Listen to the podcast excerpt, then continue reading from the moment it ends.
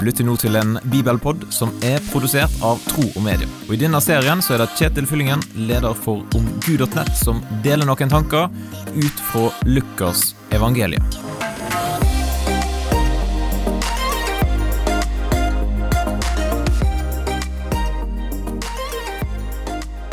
Hva vil folk si?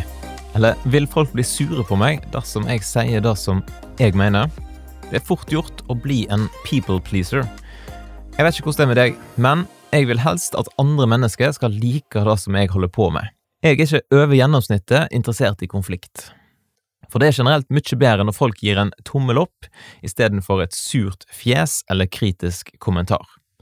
Men å være en people pleaser da kan være ganske slitsomt. For du kan ikke alltid gjøre alle folk rundt deg fornøyd.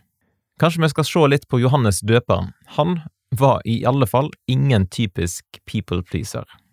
I vers 15-20 i kapittel 3 i evangeliet til Lukas så står det Folket gikk nå med forventning, og alle tenkte i sitt stille sinn at Johannes kanskje var Messias. Da tok Johannes til orde og sa til dem, Jeg døper dere med vann, men det kommer en som er sterkere enn jeg, og jeg er ikke verdig til å løse sandalremmene hans. Han skal døpe dere med Den hellige ånd og ild. Han har kasteskovelen i hånden for å rense kornet på treskeplassen.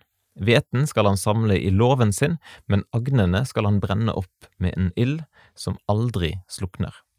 Dette og mye annet la han folket på sinne når han forkynte budskapet for dem. Men da han refset landsfyrsten Herodes fordi han levde med sin brors kone Herodias, og gjorde mye annet ondt, føyde Herodes en ny misgjerning til alle de andre. Han kastet Johannes i fengsel. Johannes han var plutselig i en posisjon der han kunne ha utnytta mulighetene som lå der. Folk hadde forventninger til han. Kanskje han var den som de hadde venta på så lenge.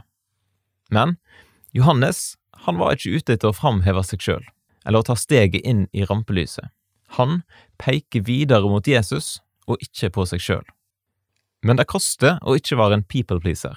Johannes var ikke redd for å si ifra.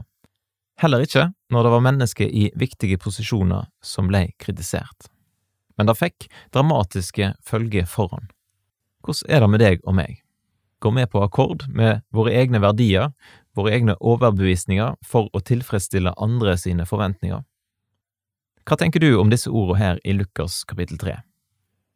Du er velkommen til å dele dine tanker med meg. Du kan sende en e-post til kjetil.troogmedia.no. Og så hadde jeg satt stor pris på om du delte Bibelpodden med noen som du kjenner.